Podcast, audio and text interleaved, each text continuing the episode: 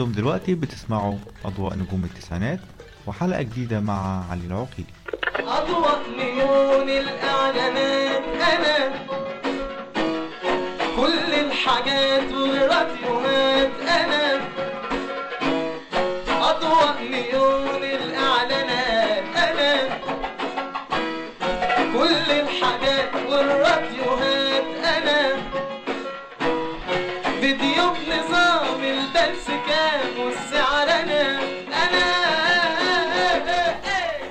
فاكرين هشام عباس ومحمد فؤاد وإيهاب توفيق؟ طب فاكرين أغنية لولاكي وما تخافيش ويا شمس غيبي؟ طب فاكرين الوكمان وشرايط الكاسيت والكوكتيل اللي كنا بنعملها؟ كل دي حاجات عشنا معاها وإحنا صغيرين وتربينا عليها وإحنا جايين دلوقتي عشان نرجع الذكريات دي تاني خصوصا لجيل التمانينات والتسعينات معاكم علي العقيلي وده أضواء نجوم التسعينات أضواء نيون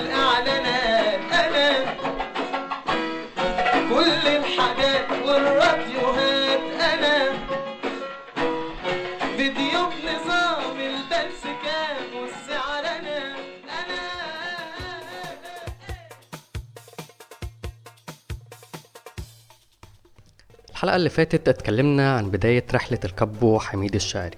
إزاي بدأ وإزاي كان في مشاكل كتير بتواجهه في فشل أول ألبوم مرورا بنجاحاته وبعد كده في ألبومات كتير.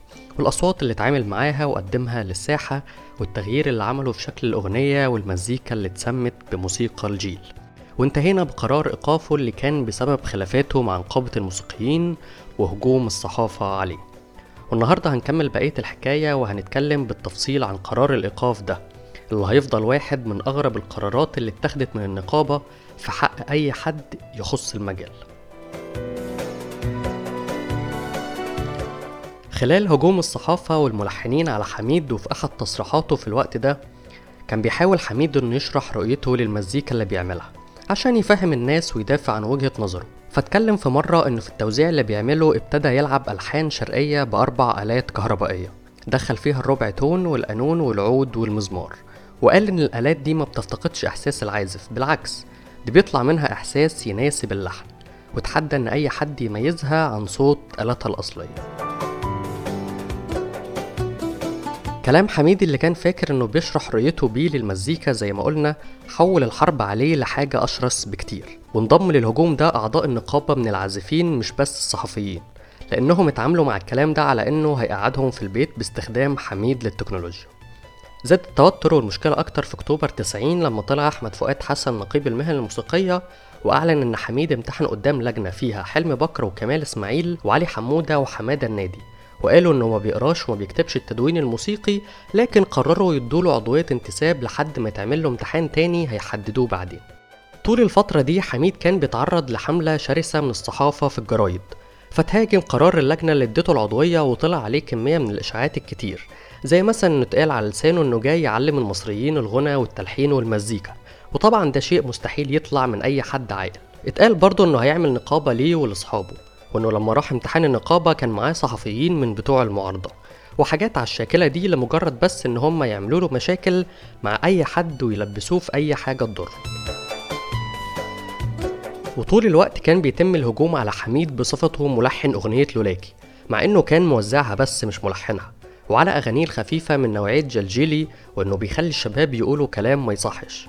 وكانوا بينسوا تماما أغاني تانية كتير لحميد نجح بيها زي دويتو أكيد مع منير وأغنية اغنيلك تحوطيني اللي كان عاملها لمصر ولو كنت ليلة أنا فاجرك وبجيلك من ورا الأحزان وعودة وأغاني تانية كانت بالنسبة لمقاييسهم الفنية أحسن من أغاني كتير جدا بتتصنف إنها من الكلاسيكيات. بعد كده في إبريل 92 اتقدم حميد جلسة استماع تانية. كان فيها الموجي ومحمود عفت وأحمد فؤاد حسن ووجدي الحكيم وحلمي بكر وأسامي تانية تقيلة وابتدوا يناقشوه في ألحانه.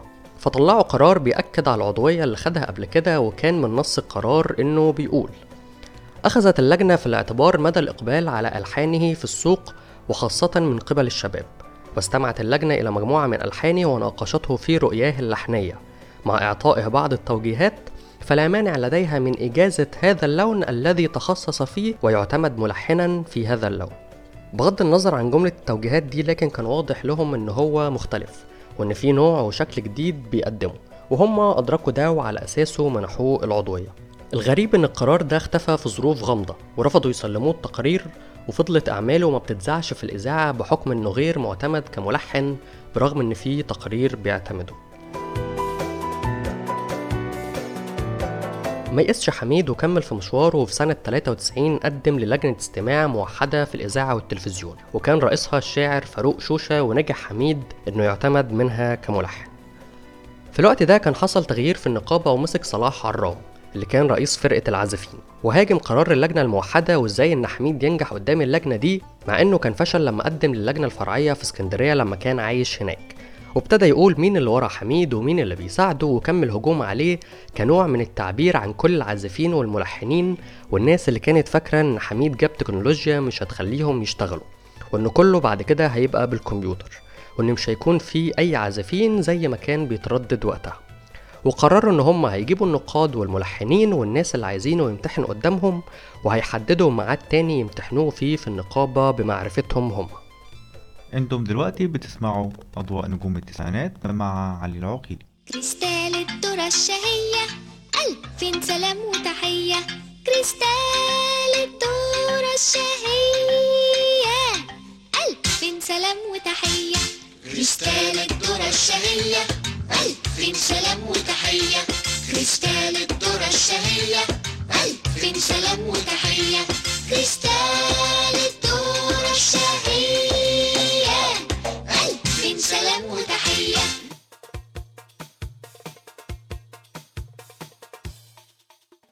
زيادة بقى عن كل ده الرقابة كمان انضمت للجانب المضاد لحميد.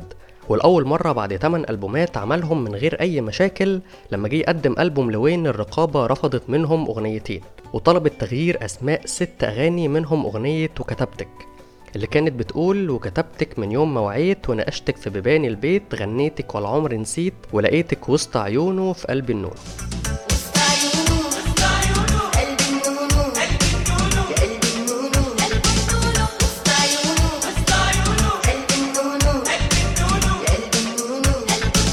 حميد حس إن في تعنت ونية لوقف الشريط كله مش بس أغنية أو اتنين.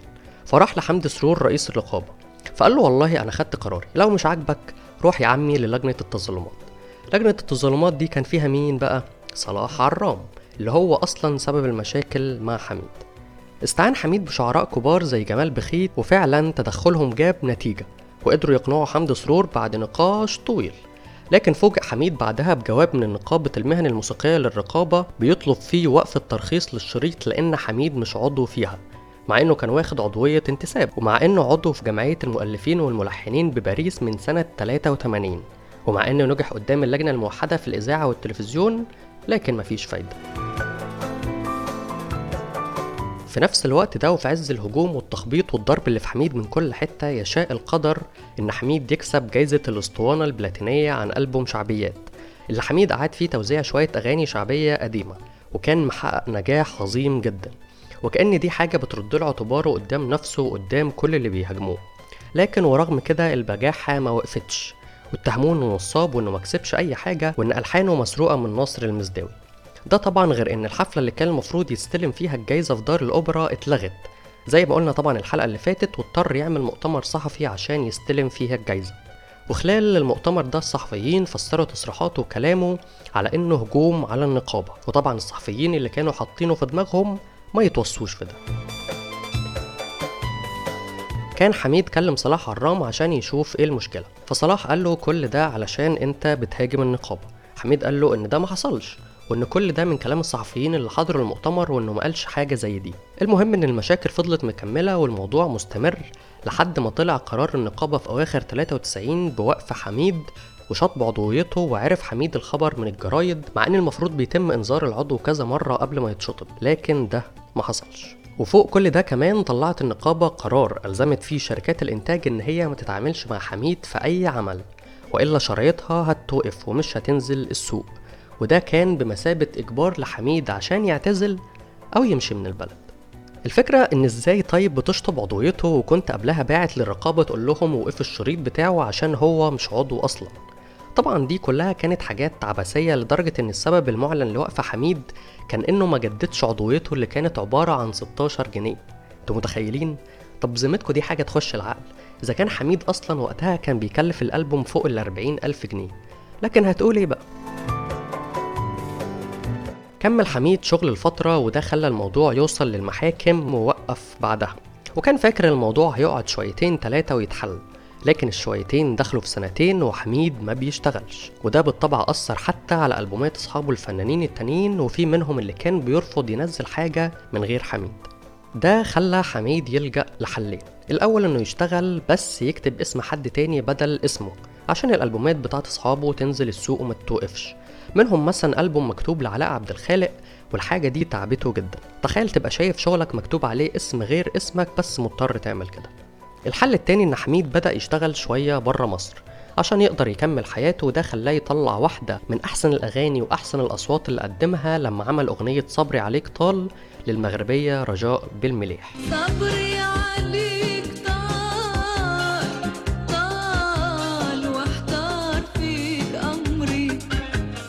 أنتم دلوقتي بتسمعوا أضواء نجوم التسعينات مع علي العقيلي. مرقة كنور اللذيذة. إشمعنى؟ مقفلة ميدان الجيزة. مرقة كنور يا مفيدة. إشمعنى؟ بحي مصر الجديدة. مرقة كنور في نظري. إشمعنى؟ بتكاكي في وجهي بحري مرق الدجاج كنور ليست كأي مرقة عادية لأن هذا هو ما يستعمل في تصنيعها. كنور في الفقرة الإعلانية. إشمعنى؟ هيشيلوها مية المية. مرق الدجاج كنور. شفت البهاريس؟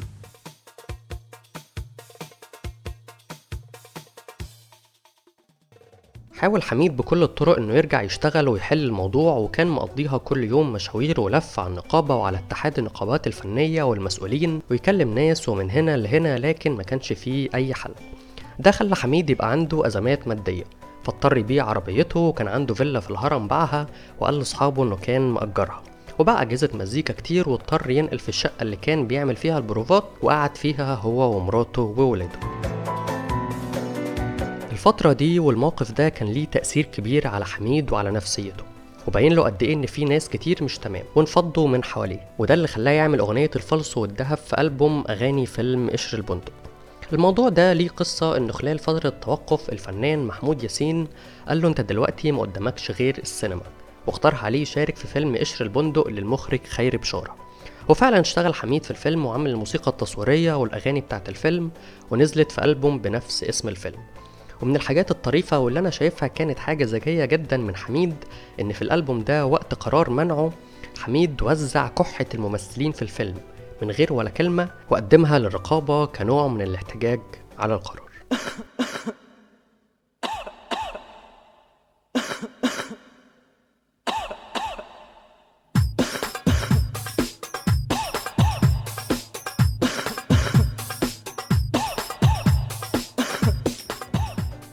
استمرت مشكلة حميد رغم رحيل صلاح عرام عن النقابة وجه مكانه حلمي أمين.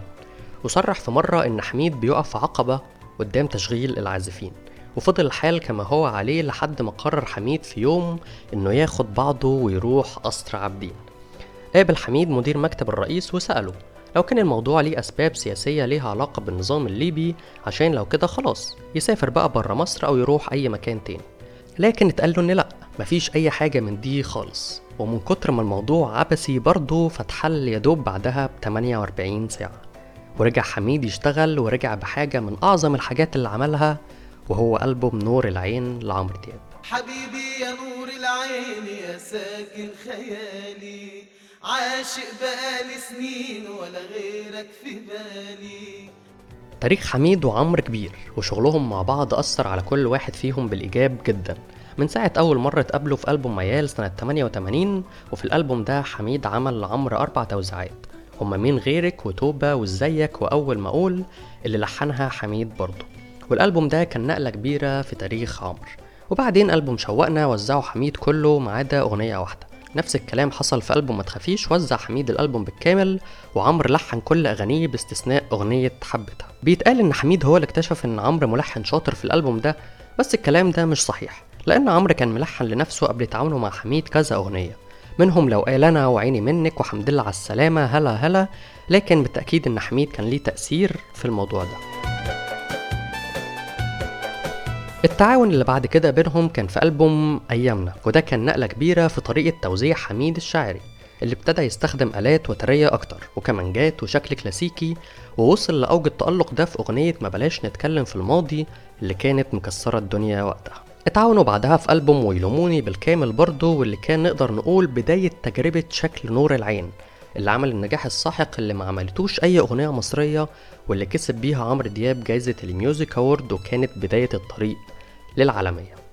استمر التعاون في ألبوم عودوني واللي قال حميد عنها إن هي أحسن أغنية وزعها في حياته. تعالوا نسمع حميد قال إيه عن أغنية عودوني وكل واحد فيهم قال إيه عن التاني. عودوني أنا أحلى أغنية وزعتها في حياتي. لحد النهارده. لحد إلى الآن. أغنية عودوني فيها ال R&B soul الشكل التركي أو الآسيوي يعني نقول مثلا كان ال soul تن ترن تن تررررن تن. الشكل الخليجي دفوف أم تا تا نيجي في الحتة الكلاسيك اللي هي الكمانجات جملة الكمانجات اللي بتتقال في دي كلاسيك خالص. رفيق العمر طبعا. النجاحات النجاحات. يعني. أفضل برواز. لالحاني وتوزيعاتي عمرو دياب.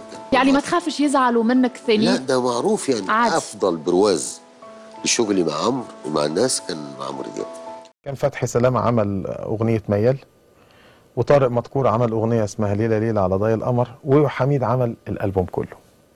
نقلني خدني من منطقة اللي أنا كنت من ناجح فيها إلى منطقة إن أنا مشهور بقى أغنية مشهورة وأغنية الناس بتسمعها و... وألبوم خد تقريبا سنتها أحسن ألبوم وأنا خدت أحسن مطرب.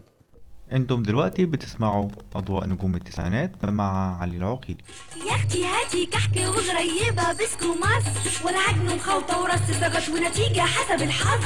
أه يا أختي بسكو مصر ده ما شاء الله عليه ده جميل. ده كمان بالسمن البلدي صافي مصنوع ومغلف آلي. ده كحكي بسكو مصر ودي غريبة بسكو مصر. وانتوا كمان علي كحكي وغريبة بسكو مصر.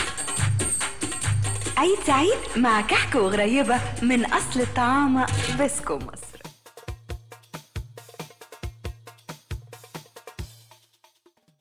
في الفترة دي حميد كان عمل ألبومات بيوزع فيها أغاني قديمة كتير لفوزي والفريد والحليم والفيروز وعمل لنفسه ألبومات زي هدوء مؤقت وحيرتونا وصديق اللي كان فيه أغنية مهما كبرت اللي غناها عمرو دياب بعد كده. أنا مهما كبرت صغير أنا مهما عليت مش فوق مهما الأيام تتغير ما نسيتش إن أنا مخلوق. طبعا كان مكمل حميد في تقديمه للأصوات فقدم فرقة جليانا وكان برضه مكمل في شغله للمطربين التانيين زي علاء عبد الخالق ومصطفى قمر وحكيم وهشام عباس اللي عمل معاه أغنية عيني سنة 97 وكسرت الدنيا وكانت ليل نهار بتتذاع في التلفزيون. الأغنية دي جابت له شوية مشاكل مع حلمي بكر اللي قلب عليه وهاجم الأغنية وقال إنه سرقها من عبد الوهاب وفضلوا فترة في مشاكل لحد ما تم الصلح بينهم واشتغلوا مع بعض في أوبرة الحلم العربي واللي كان طبعا عمل عظيم جدا.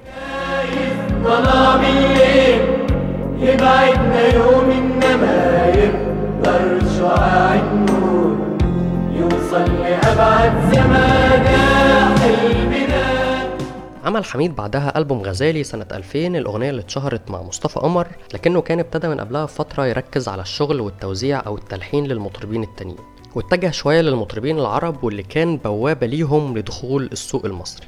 فمثلا عمل لوائل الكفوري قلب وجرح وشوق ولسميرة سعيد روحي ولديانا حداد باقية عمل أجيلك شوق لذكرى وأحبك وحرام لمحمد المازم نشفت لي دمي وقلبه خالي وحبيبي الباسكال مشعلاني الليالي وكام ليلة وطول عمري لنوال الزغبي سيبني كده واللي عملت حسابه لإلين خلف.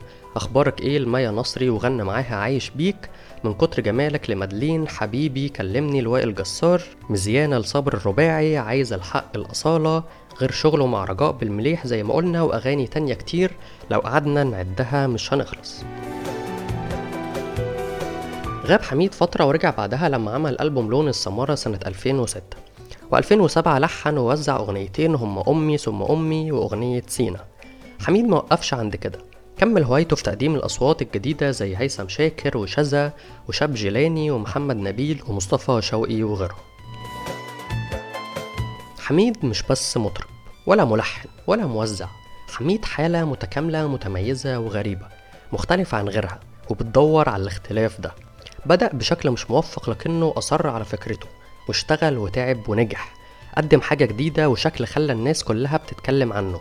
غير في لون المزيكا وشكلها ونجح. قدم أصوات كتير جدا.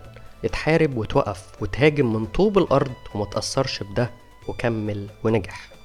باختصار حميد بكل اللي عمله وكل اللي قدمه سواء بالأصوات دي كلها أو بألبوماته ونجاحاته أو بالكليبات والدوتهات اللي عملها مع ناس تانية أو بإعادة توزيع الأغاني القديمة أو باسمه اللي كان تأشيرة تضمن لك النجاح وانت حاطط رجل على رجل كل ده يخليه يستحق كل كلمة قلناها عنه وكل التقدير اللي الناس ابتدت تديهوله من فترة. يمكن يكون ده تعويض عن الظلم اللي تعرض له زمان وكل ده يخليه يستحق عن جدارة لقب الكبو الكبو حميد الشاعري قائد موسيقى الجيل ورائد ثورة الأغنية الشبابية. وعشان كده فما كانش في حد أكتر منه يستحق إنه يكون ختام لآخر حلقة لينا في الموسم الأول. بس قبل ما نقفل الحلقة خلونا نستعرض معاكم أفضل عشر أغاني غناهم الكبو في مشواره. رقم عشرة أغنية بتكلم جد مع سيمون سنة 90 كلمات جمال عبد العزيز وألحان حميد الشاعري. الأغنية رقم تسعة جلجلي من ألبوم شارة سنة 89 كلمات عادل عمر وألحان حميد. رقم 8 أكيد مع منير في ألبوم أكيد سنة 86 كلمات عبد الرحمن أبو سنة وألحان حميد.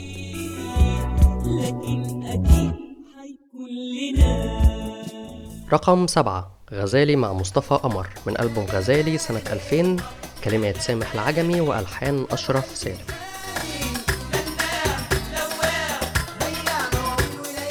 رقم 6 حلال عليك مع هشام عباس في ألبوم حالة لهشام سنة 92 كلمات عادل عمر وألحان حميد.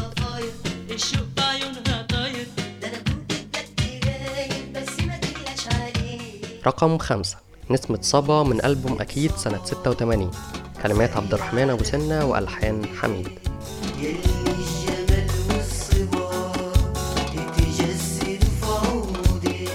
رقم أربعة. وين أيامك وين من ألبوم رحيل سنة 84 كلمات صلاح الشيخ وألحان فولكلور لي.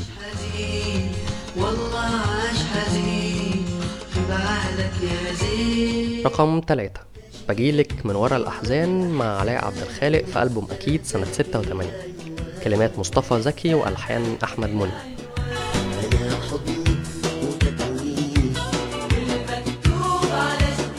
رقم اتنين عيني مع هشام عباس من ألبوم عيني سنة 97 كلمات وألحان عنتر هلال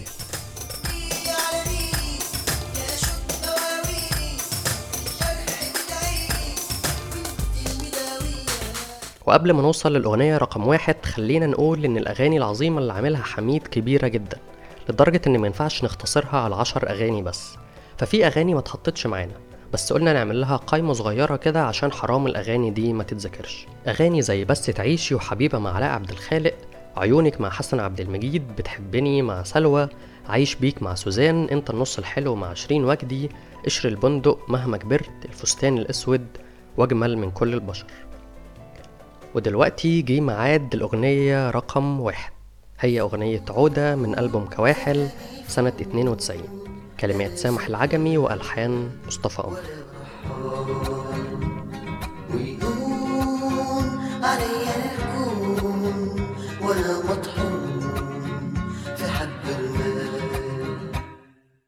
الأغاني دي أو القايمة دي كانت عبارة عن رأيي الشخصي وحبي للأغاني مش معتمد أبدا على أي تقييم فني. فياريت أنتوا كمان تسيبوا لنا قائمتكم لأكتر أغاني بتحبوها للكبو. مشوارنا معاكم كان ممتع. يا رب أنتوا كمان تكونوا اتبسطتوا من الحلقات ومن الموسم ده. مش هنطول عليكم إن شاء الله وهنرجع لكم قريب بالموسم التاني بس هنستنى رأيكم وهنستنى اقتراحاتكم للنجوم اللي حابين إننا نتكلم عليهم. كان معاكم علي العقيلي وده كان الموسم الأول من أضواء نجوم التسعينات.